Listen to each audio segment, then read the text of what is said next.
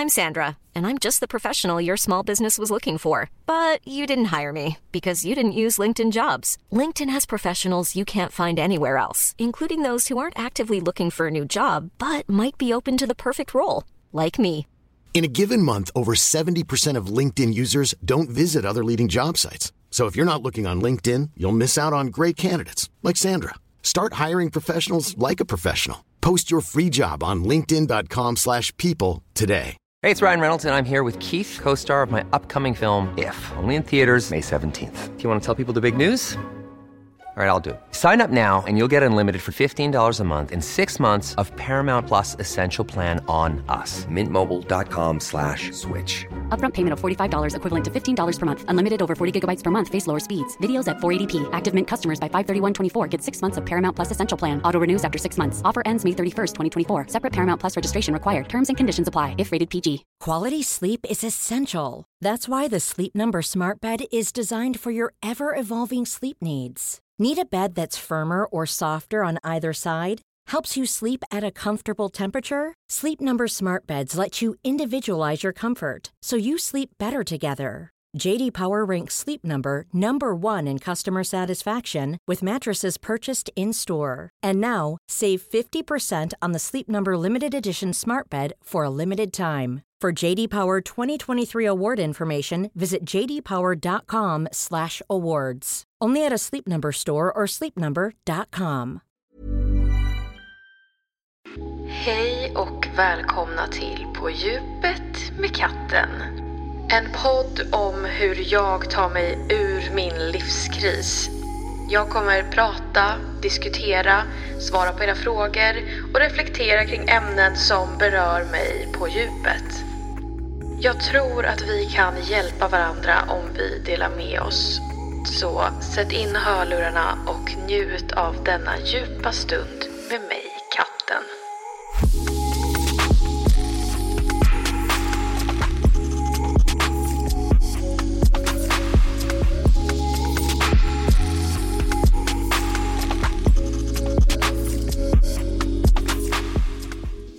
Välkomna till dagens avsnitt.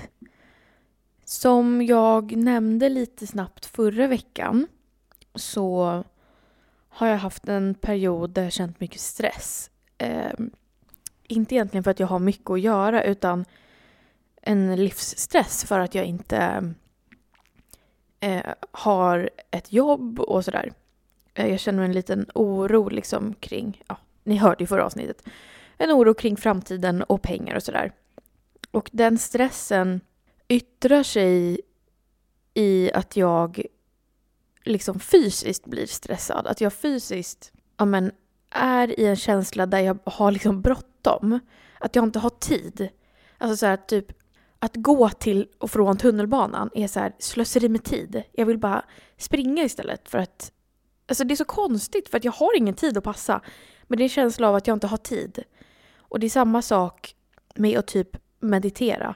Det är som att jag har, jag har en stress i kroppen som är att så här, jag har inte tid att ligga här och meditera eller sitta här och meditera. Jag har känt den här känslan mycket genom livet. Men jag vill prata om stress idag för att det är ett viktigt ämne för mig liksom, i, eftersom att jag har varit utbränd.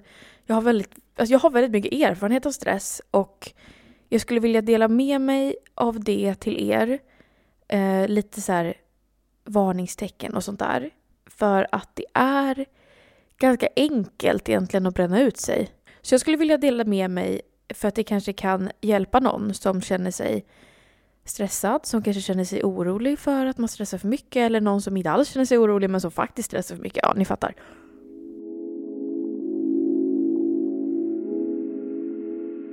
Som ni vet så brände jag ut mig 2020 och det var av massa olika anledningar. Jag hade mycket att göra på jobbet, jag kände press i mina relationer. Men jag hade också en livsstil som bidrog till eh, alltså kroppens uppfattning av stress. Och det här lärde jag mig först efter, tyvärr, efter att jag varit utbränd. Då, för då gick jag liksom en stress eh, hos en kurator och pratade om stress hos vårdcentralen först. Eh, och hon eh, då fick man liksom skriva i massa papper om vad man har för livsstil, hur man äter, mycket alkohol man dricker, om man röker och bla bla bla. Och utifrån det så pratade hon med mig om att jag hade saker i min livsstil som skapade stress i min kropp. Och jag förstod inte riktigt vad hon menade. Och det jag lärde mig då var att stress, det jag hade tänkt var stress är att ha bråttom, den känslan av stress. Eh, och att så här, ha mycket att göra på jobbet. Men att andra situationer inte hade med stress att göra. Jag fattade liksom inte riktigt. Men det jag fick lära mig då är att kropp, det är så mycket saker som kroppen tolkar som stress. Till exempel att dricka alkohol. Eh, och man kan ju ha olika vanor kring att dricka alkohol. Men jag hade som vana att dricka varje helg. Eh, jag drack nog alltid på fredagar. Då hade vi alltid AV med jobbet. Kunde ibland ändå bli liksom ett festsammanhang. Så jag drack ändå ganska... Alltså jag vet inte om jag drack många enheter men jag drack ändå så att jag vart full. Eh, men nästan varje fredag. Och ibland även på lördagar. Och att, att dricka alkohol tolkar kroppen som stress. Hade ingen aning om det. Men jag hade också en livsstil där jag som, alltså jag vill inte ens prata om det här, men en ätstörd jävla livsstil där jag räknar kalorier, där jag tränar väldigt mycket eh, och jag hade då precis innan jag varit utbränd haft en ganska lång period av att göra så här periodisk fasta. Alltså, ja, ni får googla om ni vill veta vad det är. Eh, och jag ska inte säga någonting egentligen om periodisk fasta för det är inte heller så här, ja det var den utlösande faktorn till att jag brände ut mig. Men att ha en liksom diet och framförallt en diet som innehåller fasta är stress för kroppen. Det höjer kortisolnivåerna i kroppen, att fasta. Eh, och att på det stressar väldigt mycket, alltså faktiskt stressar väldigt mycket på jobbet. På det också dricka alkohol varje helg. På det dricka väldigt mycket kaffe. Och dricka kaffe det första jag gör och inte äta någon frukost under lång tid. Och att på det ha relationer som stressar mig utan att jag förstår att de stressar mig. Allt det här tillsammans var liksom en livsstil som inte var hållbar. Och jag ska säga så här, jag led inte alls av den här livsstilen. Jag levde mitt bästa liv och det här är så jävla hemskt på ett sätt. Jag hade så kul. Jag var så engagerad i jobbet. Jag tyckte att det, liksom, jag tyckte att det var kul att ha mycket att göra, jag tyckte det var kul att ha mycket ansvar, vilket det är. Det är kul att ha ansvar. Jag tyckte att det var kul att festa. Jag tyckte att det var kul att träna mycket. Jag Eh, liksom bara accepterade mina ätstörningsproblem och tyckte att det var nice att ge mig hän till det och fasta och tänkte att det här är ett sunt sätt att, att eh, ha en diet på. Så att jag mådde inte dåligt. Jag mådde väldigt bra och hade väldigt kul. Men det kom ändå till en punkt där kroppen inte orkar längre. Och det är i en sån där situation oundvikligt. Det spelar ingen roll hur jävla kul man har. Det kommer till en punkt där kroppen bara säger nu får du sluta med vad fan du än håller på med. Och det kommer i olika steg, i olika varningssignaler. Och det kom till mig genom alltså gråtattacker som kom liksom tätare och tätare. Att jag bara bröt ihop och bara grät och grät och grät och grät och grät och bara... Jag vet inte heller så här, Det var ju såklart en trötthet och när man är trött så kan man gråta. Men jag tror också att det var...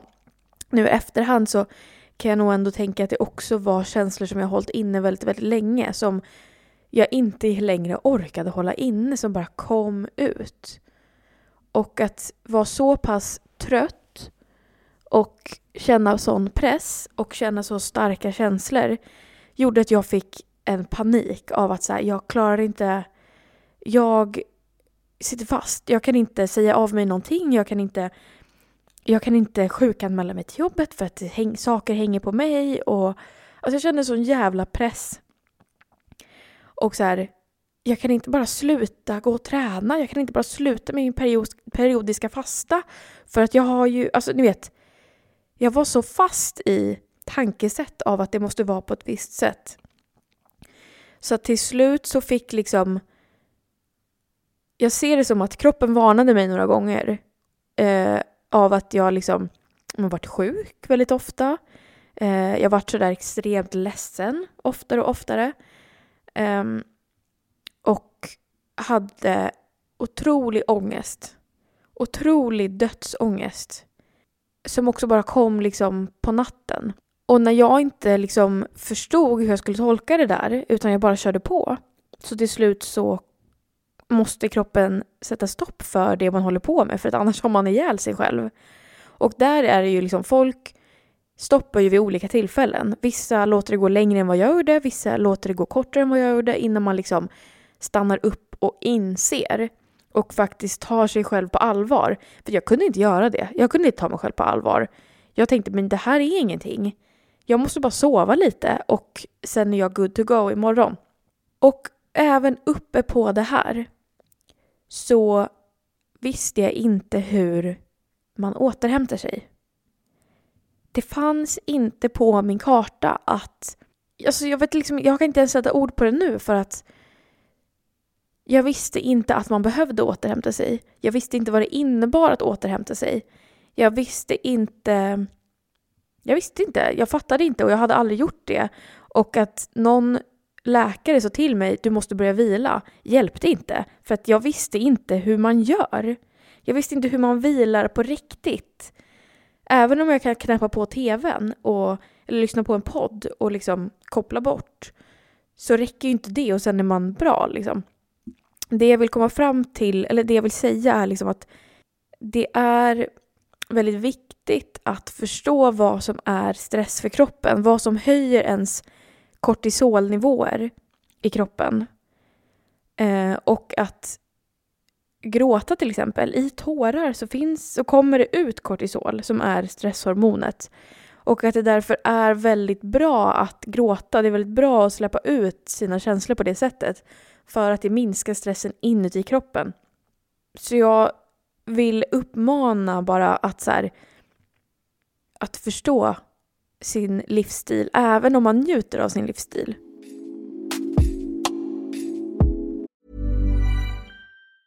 Hej, det är Ryan Reynolds och jag är här med Keith, co-star of my upcoming film If, only in theaters May 17th. Do you want to tell people the big news? All right, I'll do it. Sign up now and you'll get unlimited for $15 a month in six months of Paramount Plus Essential Plan on us. Mintmobile.com slash switch. Upfront payment of $45 equivalent to $15 per month. Unlimited over 40 gigabytes per month. Face lower speeds. Videos at 480p. Active Mint customers by 531.24 get six months of Paramount Plus Essential Plan. Auto renews after six months. Offer ends May 31st, 2024. Separate Paramount Plus registration required. Terms and conditions apply if rated PG. Hiring for your small business? If you're not looking for professionals on LinkedIn, you're looking in the wrong place. That's like looking for your car keys in a fish tank. LinkedIn helps you hire professionals you can't find anywhere else, even those who aren't actively searching for a new job but might be open to the perfect role. In a given month, over 70% of LinkedIn users don't even visit other leading job sites. So start looking in the right place. With LinkedIn, you can hire professionals like a professional. Post your free job on linkedin.com slash people today.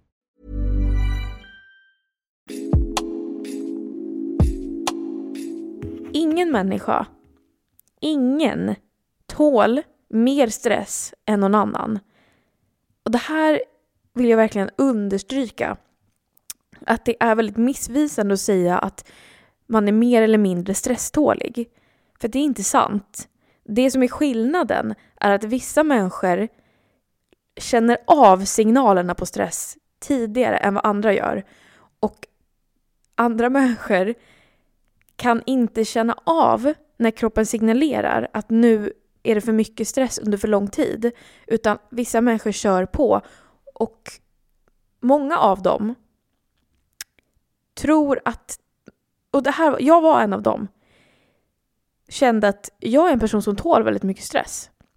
Jag tål att ta mycket ansvar. Jag tål att stressa mycket under en lång period. Jag klarar av det. Jag klarade av det en period. Men det är för att jag inte kunde lyssna på mina signaler tidigare än vad andra människor gör. Och det är det här som är det farliga. Att vara en person som tror att jag tål mycket stress och jag är inte en person som kommer bli utbränd. Om du tänker så, så löper du risk av, om, liksom, du löper risk att bli utbränd. Stress är egentligen varken negativt eller positivt och det är inte farligt. Det är ingen farlig känsla att känna utan den är väldigt nödvändig för vår överlevnad och den är nödvändig för att vi ska prestera bra och sådär. Men att leva ett liv där stress alltid är väldigt högt är vi inte gjorda för och hjärnan och kroppen tar liksom det sliter på kroppen att, att känna stress så pass ofta och mycket. Och att bli utbränd gjorde för mig att jag varit väldigt, väldigt rädd för alla känslor av stress. Det kopplades väldigt snabbt till någonting negativt, någonting läskigt och någonting dåligt och något jag behöver undvika. Men det har varit viktigt för mig att komma ihåg att den känslan i sig är inte farlig. Det är inte farligt att känna stress, men så länge man har pauser i stressen och så länge man vet hur man återhämtar sig så är stressen inte farlig.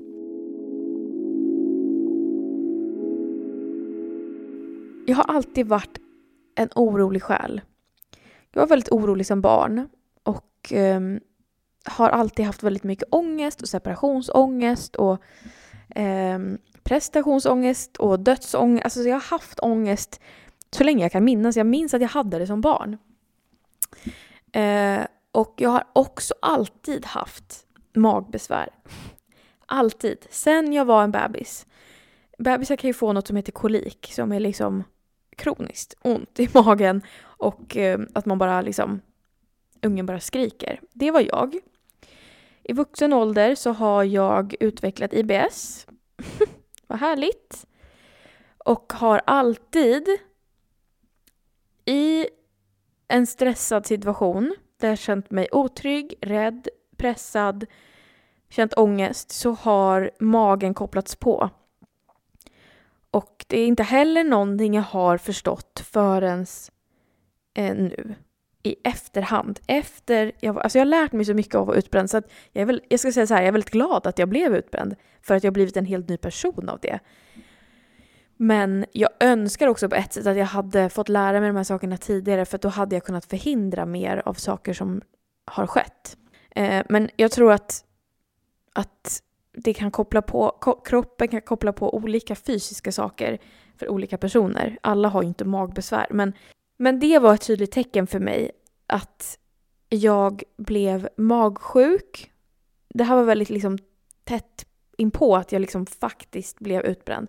Jag blev magsjuk, eh, jag hade ont i magen, ont i magen på ett sätt som är nästan liksom magsår ont. Och det är också kopplat till stress och magkatarr och sådär. Det är också något man kan hålla lite utkik på om man har, jag kan tänka mig att så här, vissa kanske får ont i huvudet, vissa kanske har ryggbesvär eller hudåkommor som eh, liksom, det finns så jävla mycket som man kan gå till läkaren för och de säger det är stress, det är kopplat till, alltså det kan ju vara viktuppgång, viktnedgång, depression och de säger att jag måste ändra livsstil och så känner man bara fan jag kan inte göra det över en natt, jag vill att det ska bli bra nu. Men det stämmer och mycket har att göra med stress. Så det kan vara också en liten så här indikator på att ens livsstil inte riktigt är hållbar.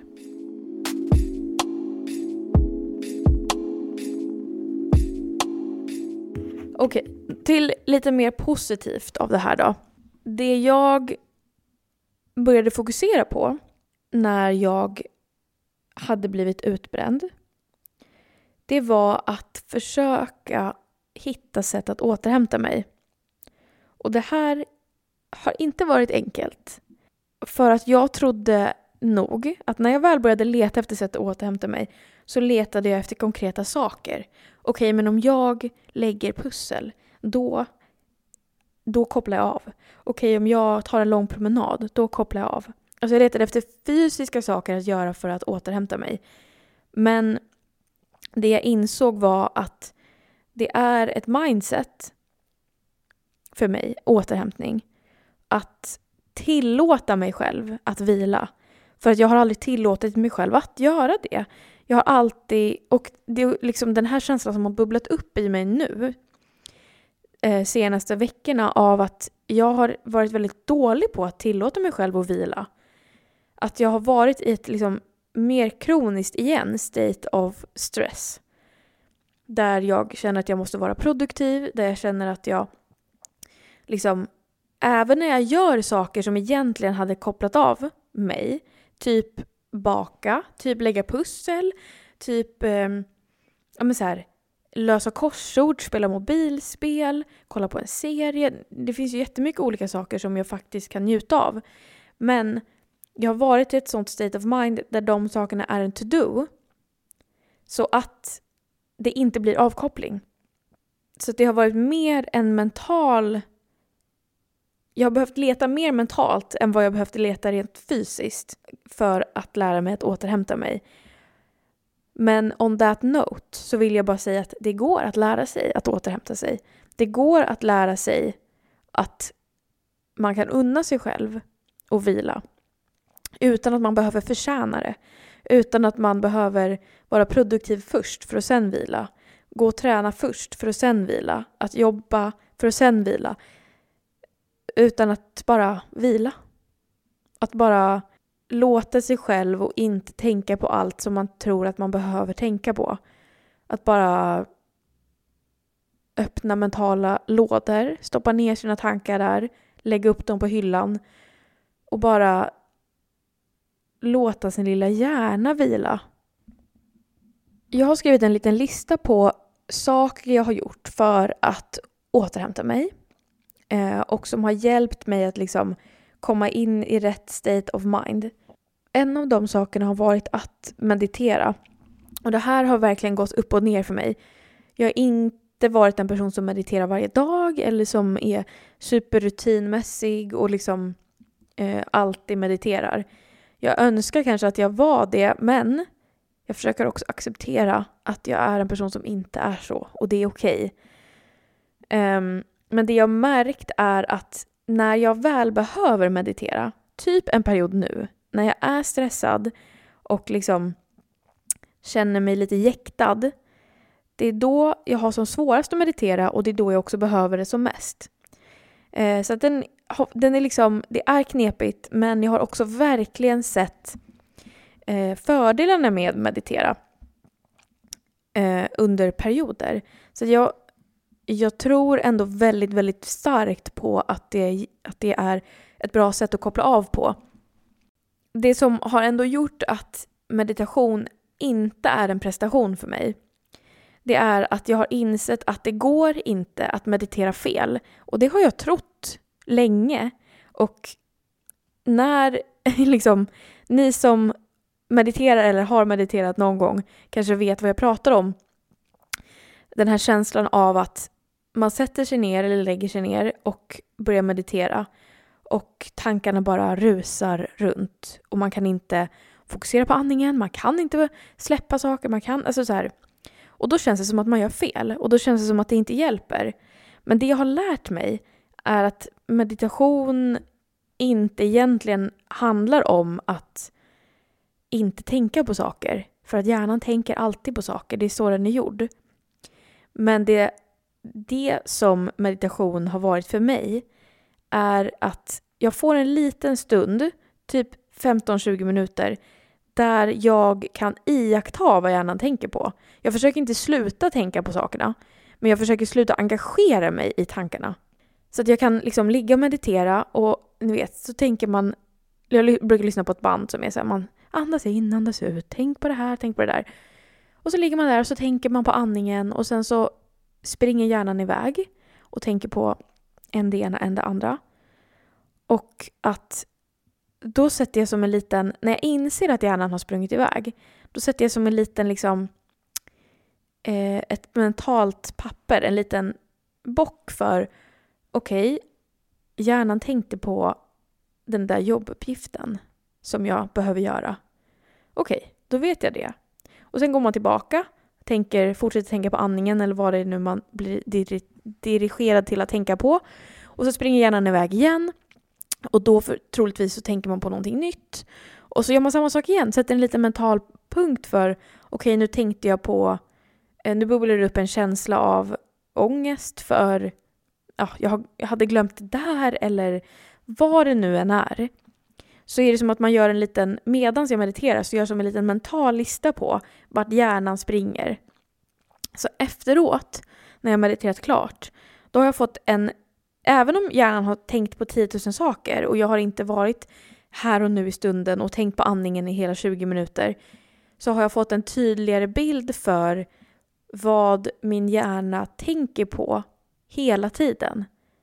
För det är ju som att hjärnan har flik, ni vet så här browserflikar uppe hela tiden och tänker alltid lite på det där och alltid lite på det där och det där rullar där i bakgrunden och så fanns det lite av det där.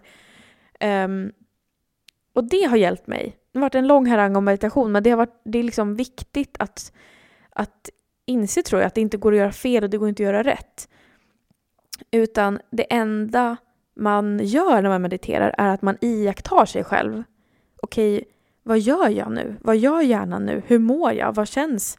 Och ibland så kan man till och med känna att det inte var så mycket att tänka på. Och det är ju jättehärligt. Men det är liksom inte målet att inte tänka på saker. Nog om meditation. Jag rekommenderar det starkt att liksom öva på den rutinen. Men jag vill också säga att jag inte är jätteduktig själv på rutingrejen, utan jag mediterar lite då och då.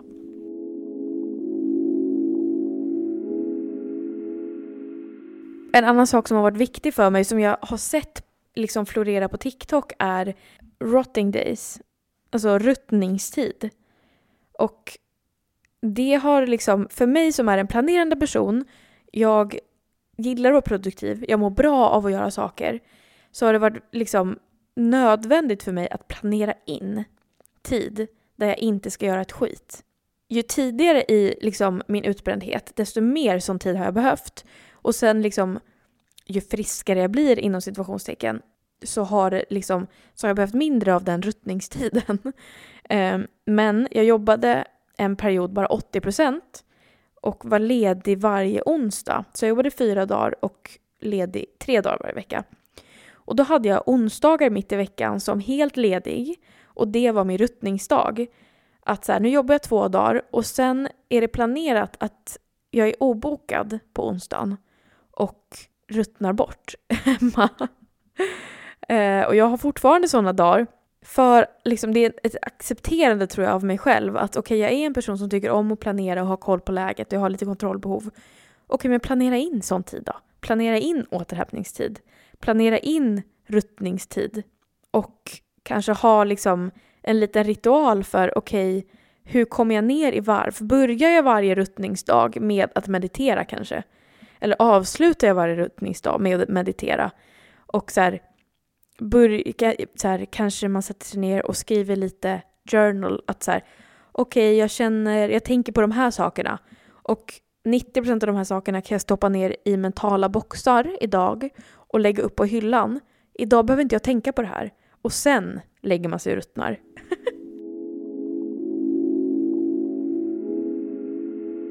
sen har jag skrivit på min lista att jag har sovit mycket.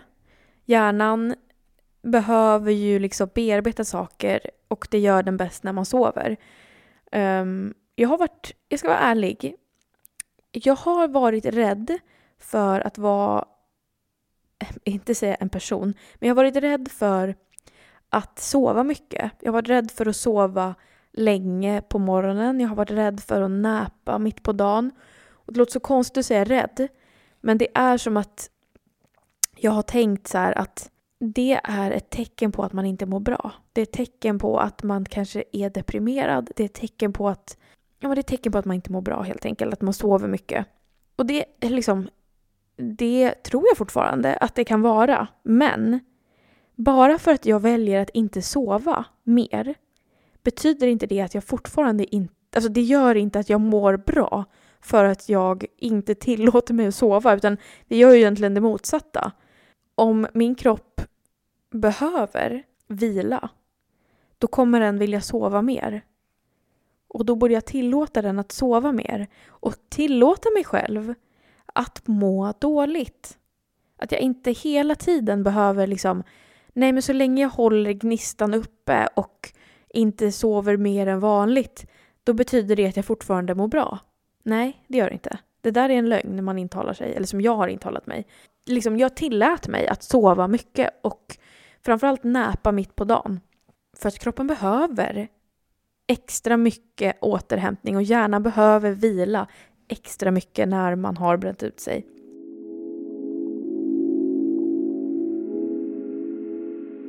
En väldigt viktig punkt som min psykolog lärde mig var att hur jag ska tänka kring att ha saker att göra. För att man har ju saker att göra.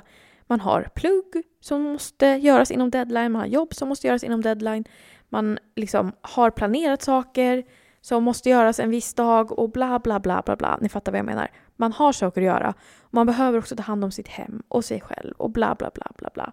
Den grejen för mig, att ha saker att göra, har låst mig jätte, jättemycket vid att då gör jag det.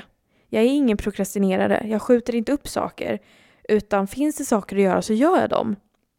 Och det kan ju vara en positiv aspekt i vissa, i vissa situationer och i lagom mängd. Jag är liksom glad att jag också är en person som tar tag i saker. Men den har också liksom, den, det beteendet har låst sig så mycket vid att så länge det finns saker att göra så kan jag inte tillåta mig att vila. Och ett problem i det är att det går alltid att hitta saker att göra. Det går alltid att fylla på en to-do-list. Det går alltid, alltid, alltid att hitta saker att göra. Man blir inte klar. Och om man tänker så och fungerar så, då kommer man aldrig vila. Ni hör ju, det är ju en otroligt ond spiral. Och jag vet att jag inte är den enda som tänker så här. Det är därför jag tar upp det. Min psykolog sa till mig att saker finns att göra. Man behöver inte göra det svart eller vitt vid att antingen gör man dem eller så skiter man i det. Och det ena är bra och det andra är dåligt. Utan du kan existera samtidigt som din to-do-list. Du kan ligga på soffan och kolla serier och släppa tanken vid diskberget i köket och bara låta det vara ett diskberg i köket. Det är inget negativt som händer av det. det. Det som är positivt av det är att du har tillåtit dig själv att återhämta dig en kväll istället för att bara springa på alla bollar som finns. Och det där är något som jag märker på mig nu att jag måste påminna mig om att det är okej okay för mig att existera bara. Och existera samtidigt som saker att göra finns i mitt liv.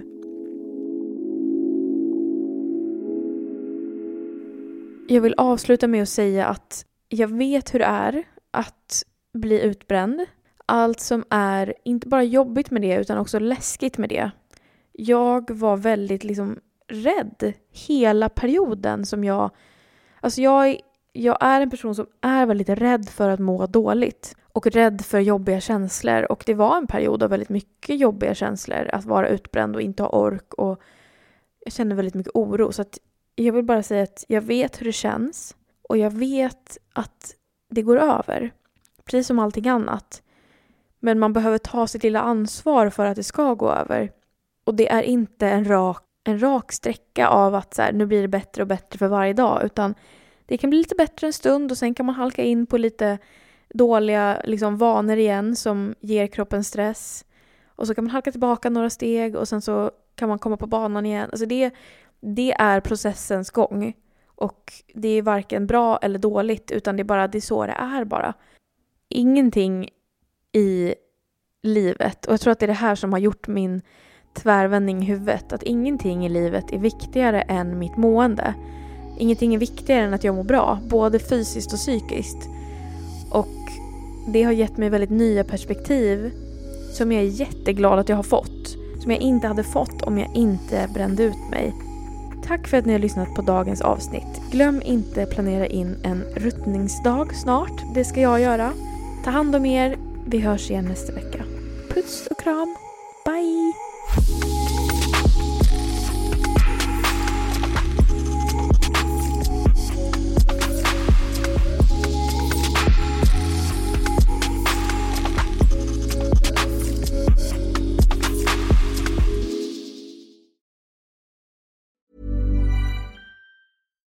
Why don't more infant formula companies use organic, grass fed whole milk instead of skim? Why don't more infant formula companies use the latest breast milk science? Why don't more infant formula companies run their own clinical trials? Why don't more infant formula companies use more of the proteins found in breast milk? Why don't more infant formula companies have their own factories instead of outsourcing their manufacturing? We wondered the same thing. So we made ByHeart, a better formula for formula. Learn more at byheart.com.